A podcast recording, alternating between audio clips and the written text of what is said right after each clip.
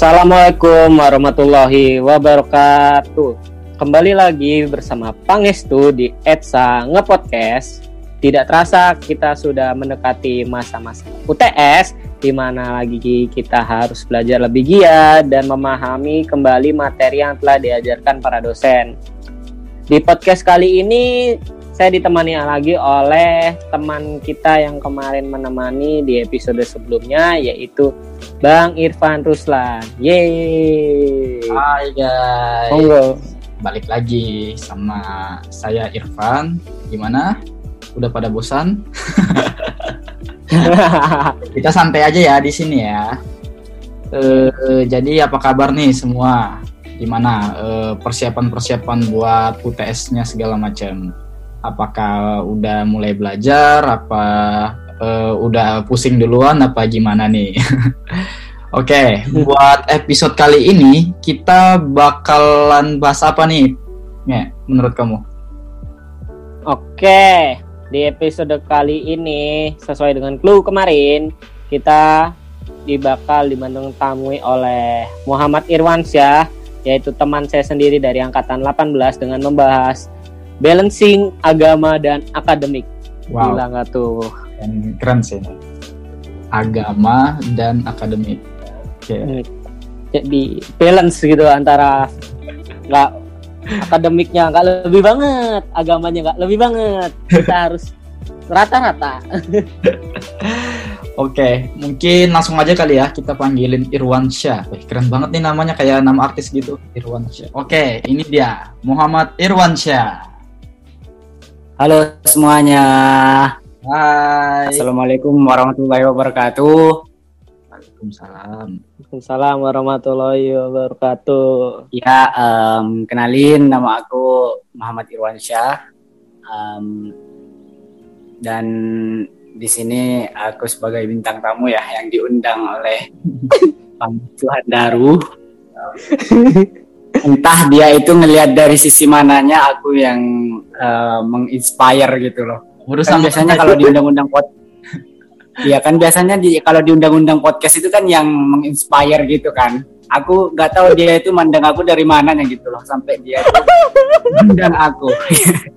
ya itu. Anda itu sosok spiritual untuk kaum-kaum angkatan 18 di PBI. Sadar okay. dulu. Oke. Oke. Okay. Oke, okay. mungkin itu bisa diterima ya karena aku memang uh, lulusan pondok pesantren mungkin ya. Mungkin itu di yeah. kacamata Pangestu mungkin. Ya. Oke. Okay. Betul sekali. Kan nih perkenalannya tadi uh, udah ada usaha-usaha merendahnya gitu, wis.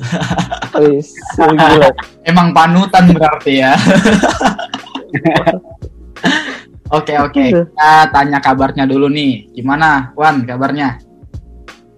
Uh, kalau untuk saat ini sih alhamdulillah baik ya. Ya mungkin gara-gara pandemi ini mungkin ya agak sedikit puyeng gitu kan. Okay. Puyeng nggak ada duit sih sebenarnya bukan puyeng gara-gara matkul. ya Allah. Oke, okay. kalau persiapan buat UTS gimana nih kabarnya? Udah pusing? Um, kalau ya uh, kalau buat UTS itu uh, aku sih chill aja ya. Chill gitu bahasanya. chill bahasanya tuh.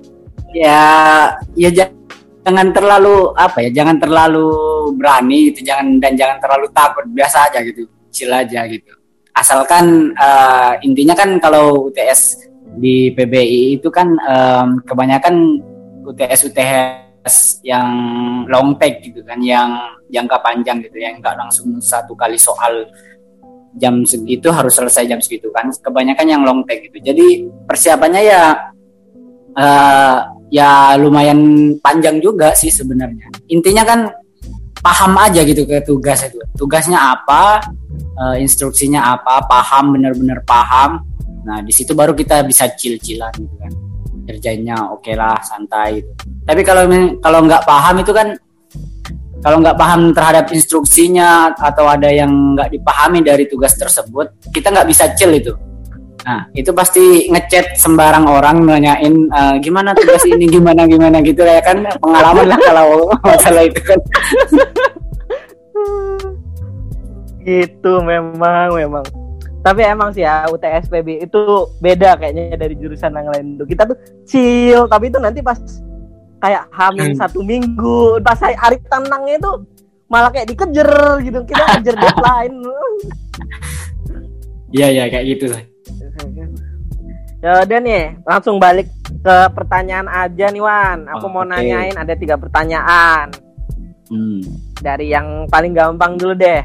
Oke. Gimana sih caranya bisa ikhtiar biar bisa mendapatkan IPA IP yang memuaskan tuh? Oke. Ini harus dijawab nih. Oke, enggak sebelumnya aku mau tanya dulu ke kamu, Bang. Eh, kamu tahu nggak IP aku berapa, Bang? Aku taunya IP semester 1. Kau kan ada genap hurufnya. Ya, em, ini bukan bukan eh, unjuk unjuk gigi ya, bukan Iya. bukan ajang pamer sih. Jadi em, eh, IPK aku itu sekarang ya 3,9 segitulah. 3,9 Ah. gitu. Dari semester 1. Itu alhamdulillahnya sih. Em, hmm, pertanyaannya gimana, Bang? Ikhtiar untuk mendapatkan IPK itu ya? Yang mau ya gimana sih caranya tuh? Buat sobat-sobat yang tersesat. Oke, em, ya kalau aku sih ikhtiarnya itu intinya ya kalau se sepengalaman aku yang sudah di PB ini selama lima semester ini intinya kalau di PB itu kan ngerjain tugas gitu kan. Tapi tugas yang dikerjain itu eh, excellent hasilnya gitu kan. Nah misalkan ada tugas yang alpha satu itu sudah kalau menurutku sudah menurunkan menurunkan nilai A-nya itu loh. Yang tadinya mau A tidak jadi A plus gitu. Jatuhnya ke B plus. Nah itu nah dari situ eh, apa interestku itu cuma satu untuk mendapatkan IPK itu. Karena apa? Karena bayarnya mahal itu aja sih. Jadi gini jadi kalau bayarnya itu mahal masa kata aku kan dipikir- dipikir-pikir masa aku nggak bisa dapetin IPK yang tinggi gitu loh. Aku sudah bayar mahal-mahal di sini gitu. Itu lebih mahal daripada kampus-kampus lain menurutku kan. Itu sih motivasi pertamanya ya motivasi pertamanya. Kalau untuk ikhtiarnya itu ya kembali ke yang tadi intinya ngerjain tugas dan tugasnya itu kita benar-benar paham benar-benar paham. Kalau nggak Iya, paham kita harus cari info gimana caranya bisa paham ngerjain tugasnya kalau sudah paham itu waduh itu sudah itu ngerjain tugasnya itu enak banget gitu loh. Meskipun mau dikerjain semalam juga bisa sih kalau paham ya kalau nggak paham itu berhari-hari nggak mungkin selesai gitu. Percaya dah itu sih ikhtiarnya dari aku. Masuk nggak bang? Masuk, masuk, masuk. Jelas sekali memang. Panutan nih. oke. Oke, pertanyaan kedua nih. Gimana caranya nyeimbangin kesibukan dunia sama kesib buat nanti di akhirat tuh. buset ini kan pertanyaan-pertanyaan anu ya Akademik dan ini keagamaan. iya akademik dan kita. spiritual gitu kan ya aduh Betul Oke. sekali. Oke, em, gini sih. Sebenarnya ini eh, kalau aku modifikasi pertanyaannya kayak gini ya. Gimana sih caranya em, kita menyeimbangkan kesibukan kuliah dengan kesibukan sholat gitu aja lah kan. Jangan ke akhirat. itu. Iya. Akhirat itu kan terlalu luas gitu kan ya. Iya. Mengaji, Ah, berzakat. Zakat, masih masih ada puasa dan ada yang lain-lainnya ya kan. Ini betul sekali. Nah, jadi kalau menurutku sih eh, gini ya, simple aja ya. Aku tahu gitu kan, eh, teman-temanku ini banyak yang nggak sholat gitu. Aku sudah tahu. Aku paham gitu kan. Aku paham.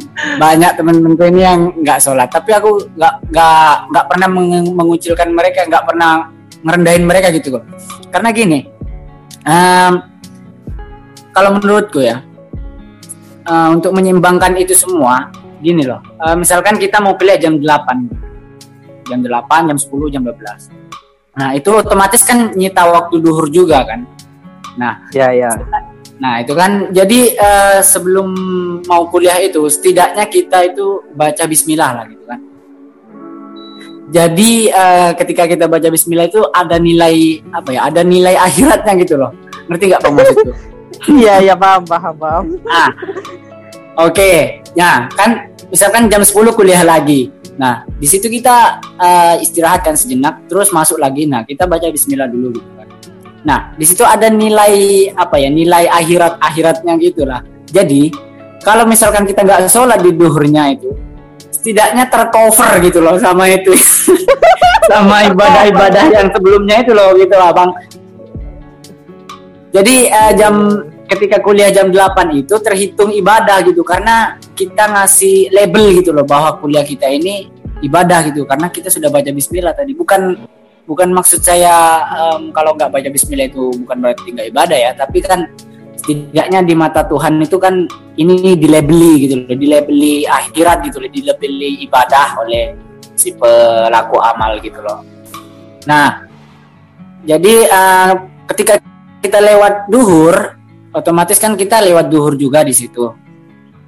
Misalkan eh, kataku teman-teman ini pastilah ada yang nggak sholat gitu loh duhur ini tapi setidaknya tercover sama itu tadi yang Bismillah di awal tadi itu loh gitu. ya mungkin kita punya amalan selain Bismillah gitu mau baca sholawat lah apalah waktu kuliah itu loh nah kayak gitu sih itu untuk menyeimbangkan gitu loh kalau masalah sholat dan nggak sholatnya itu wajib ya itu urusan urusan pribadi masing-masing sih kalau itu. kalau aku aku sendiri sih sholat diusahakan sholat gitu tapi kalau misalkan emang nggak nutut nggak nutut untuk sholat ya aku kejar em, amal-amal yang lain gitu loh. Ngerti nggak bang? Ya ya bisa zakat, bisa doa. Ya, nggak zakat juga sih bang yang yang sederhana aja yang sederhana. Ya doa Kayak- zikir. ya kayak neraktir temen gitu loh. Bang itu juga ibadah loh. Kantin kantin D3 kan kan- kantin D3 kan masih lega gitu kan bang. Ya itu kan masih ya paham lah kan Kalau traktir rokok tuh pahala nggak ya? hmm waduh nanti ini aku dikecam nih kalau jawab ini jangan ya, jangan Ada skip skip pertanyaan itu. skip skip jangan nanya itu lah jangan Lanjut, nih, pertanyaan terakhir nih dari aku. oke Hikmahnya dari mendapatkan IP memuaskan dan menyeimbangkan tadi tuh ada hikmahnya nggak sih buat kamu, buat nama buat kita lah nanti, sama buat para pendengar tuh. Oke, ah, jadi gini. Ah, intinya tujuan untuk mendapatkan IPK segitu itu apa sih gitu kan ya? Ya, Am, kalau menurutku sih sebenarnya ya kalau mau jujur ya ah, ah, orang tua aku tuh nggak paham tentang dunia perkuliahan bang. Ah, jadi dia, dia tuh nggak ngerti apa itu IPK lah, apa itu nilai A, apa itu nilai B, nilai C. Dia tuh nggak ngerti, mereka tuh nggak ngerti itu gitu loh. Tapi am, ada ketika aku dapat nilai segitu itu aku nggak pernah bilang bahwa mak bapak aku dapat nilai segini aku dapat IPK segini. Aku nggak pernah bilang gitu loh. Buat apa mereka juga nggak paham gitu. Jadi ada rasa ada rasa menebus eh, jasa mereka lah gitu. Atas kiriman mereka atas doa doa mereka ketika sholat gitu kan. Sa- eh, meskipun nggak pernah bilang ke kita bahwa mereka itu selalu doain selalu doain anaknya di waktu sholat selalu em, sholawatin kita waktu kita di rantau sana gitu kan. Selalu ngirim uang ke kita. Itu menurutku sih em, apa balas budiku lah terhadap terhadap mereka gitu. Terhadap orang tua orang terhadap orang tuaku itu yang sering mendoakan. Itu itu itu sih poin plusnya menurutku ya. Untuk mendapatkan IPK segitu itu. Itu kang. Oke. Mungkin pertanyaan aku udah sih cukup segitu aja. oke Dari Bang Irfan ada yang mau ditanyain nggak Bang? Oh, ada banget nih. waduh Nah, mau aduh kejam apa gimana? Eh, jangan ofensif lah intinya gitu kan Oke, eh, kalau tadi kan tanya eh, nanyanya IPK ya, berarti IPK kan sebagai apa ya ibaratnya? Eh, apa ya? Acuan Akademis. Acuan dasar sebagai eh, capaian ini akademik seseorang gitu kan? Hmm, Ya, oke sih. tapi di samping IPK juga mungkin ada hal-hal lain ya kalau di akademik itu mungkin kita bisa jadi kayak aktif di kelas dan sebagainya kali ya Mm. nah eh kalau dari nggak jauh-jauh dari itu aku pengen nanya ini sih ada nggak sih tokoh agama yang apa ya istilahnya eh, menjadi suri tauladan buat Irwansyah sendiri nih? Eh, bebas sih entah itu mau yang Islam apa non Islam cuma kan pasti nilai-nilainya eh, kalau Irwansyah mungkin nilainya ada nilai keislamannya mungkin ya. Monggo silakan ya. Mm-mm. Oke, Em, kalau tokoh em, yang menjadi suri tauladanku itu em, ada kiaiku ya, kiaiku, Kiai Haji Idris Jauhari almarhum. Dia itu yang eh, kata-kata beliau itu selalu ada di kepalaku gitu loh. Ketika aku ada di rantau, ada di kampus, ada ada di kelas gitu kan. Bahwa kata-kata beliau itu gini, jangan jadi anak yang hilang. Itu itu selalu jadi apa ya? Jadi eh, jadi memori gitu di kepala aku. Jangan jadi anak yang hilang. Itu tuh kalau diinterpretasi lebih jauh itu, waduh itu dalam banget maknanya. Jangan jadi anak yang hilang. tuh. Jadi maksudnya jangan jadi anak yang hilang. Kalau menurutku ya, aku juga gak tahu penafsiran beliau gimana. Kata-kata beliau yang anak jangan jangan jadi anak yang hilang itu gimana aku nggak ngerti juga sih tapi kalau men- menurutku itu jangan jadi anak yang nggak memberi jasa gitu atas segala apa yang telah diberikan gitu misalkan ah, kita telah diberi em, kita diberi kesempatan untuk kuliah kita diberi kesempatan untuk em, merantau sedangkan yang lain juga belum tentu dapat kesempatan itu kita dikasih kesempatan untuk eh, makan, minum, sehat gitu. Kita jangan sampai jadi anak yang hilang dan tidak pernah memberi jasa gitu atas atas eh, kesempatan-kesempatan itu gitu. Itu yang selalu memotivasiku em, kiaiku itu. Beliau sangat sangat sangat sangat sangat ada lah di kepalaku gitu. Itu si tokoh agama yang paling aku kagumi gitu. Yang menjadi pemicu eh, apa semangat gitu loh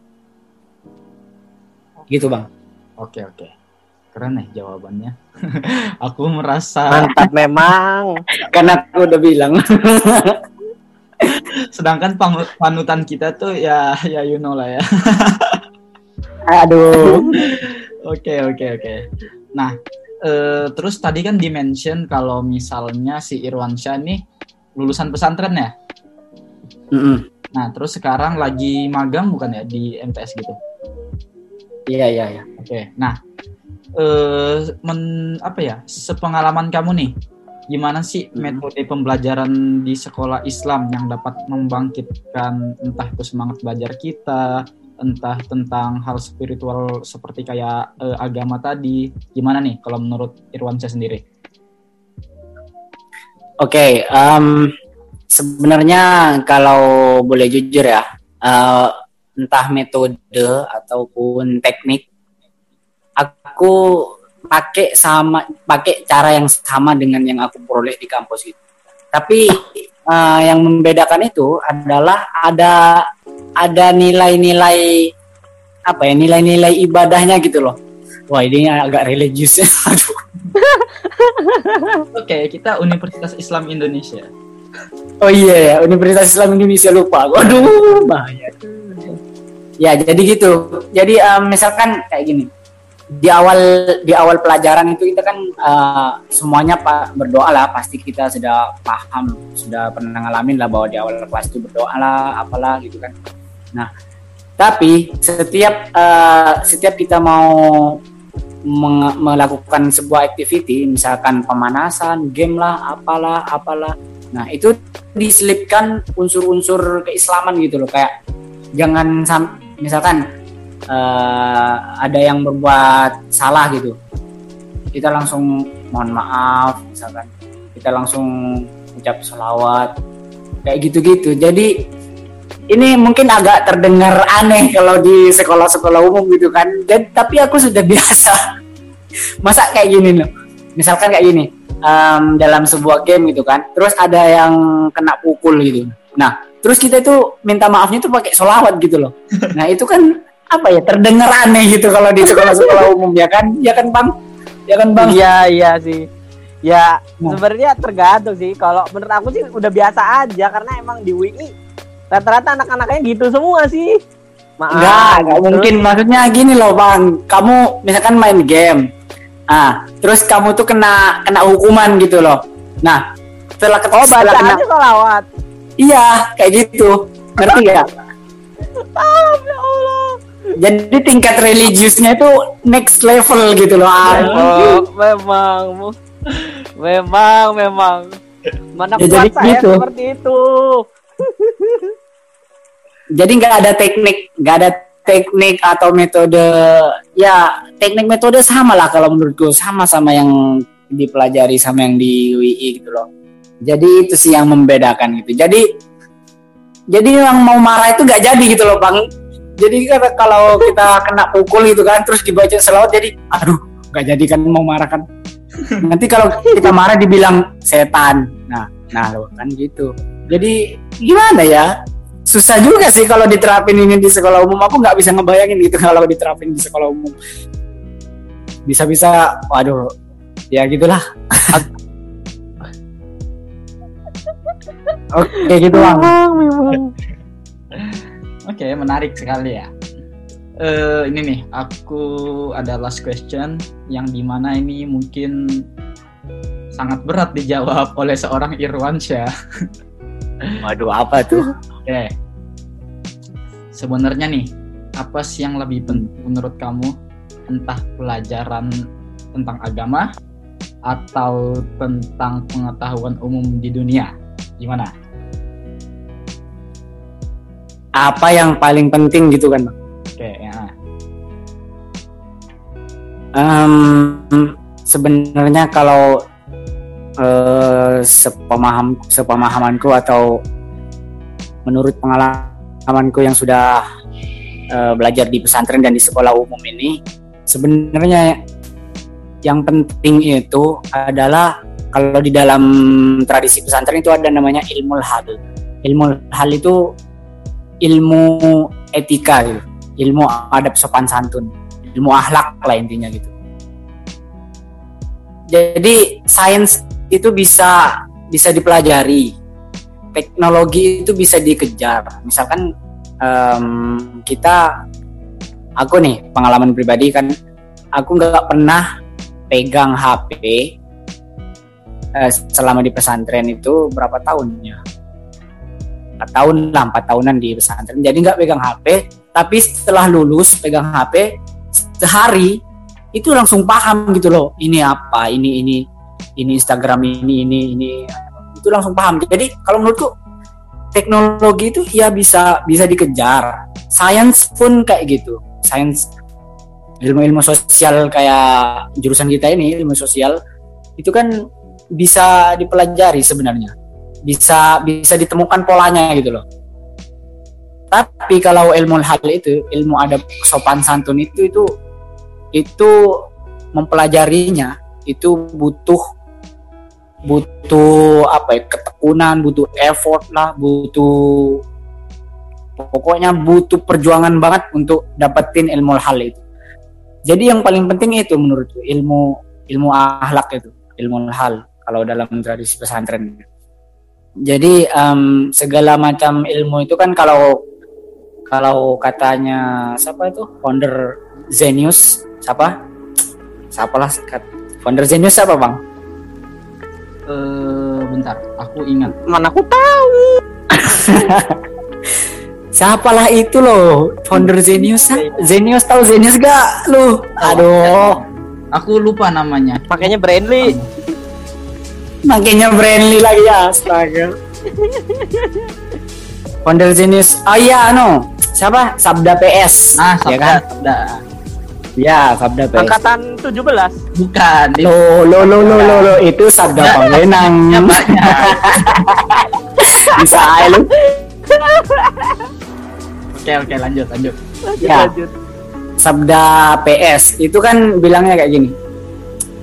"S- seluruh ilmu sosial, ilmu sains itu sebenarnya sudah ada di dunia ini.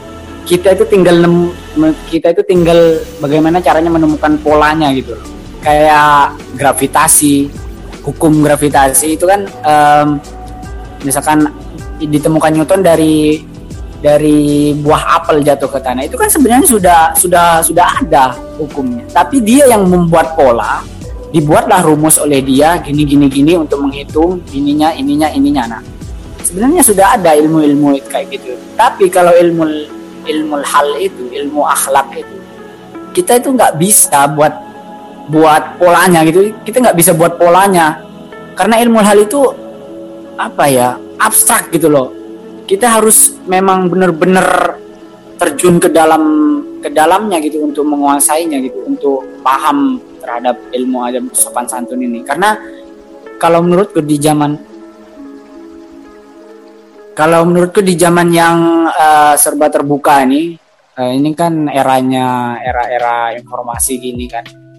Banyaklah orang pinter. Banyak orang banyak orang kaya banyak orang pinter. Tapi banyak nggak orang yang berakhlak banyak nggak orang yang ber, yang beradab gitu banyak nggak orang yang yang attitude-nya itu yang yang good attitude gitu loh. Banyak nggak? Itu jarang kalau menurutku ya. Jadi itu yang paling penting menurutku.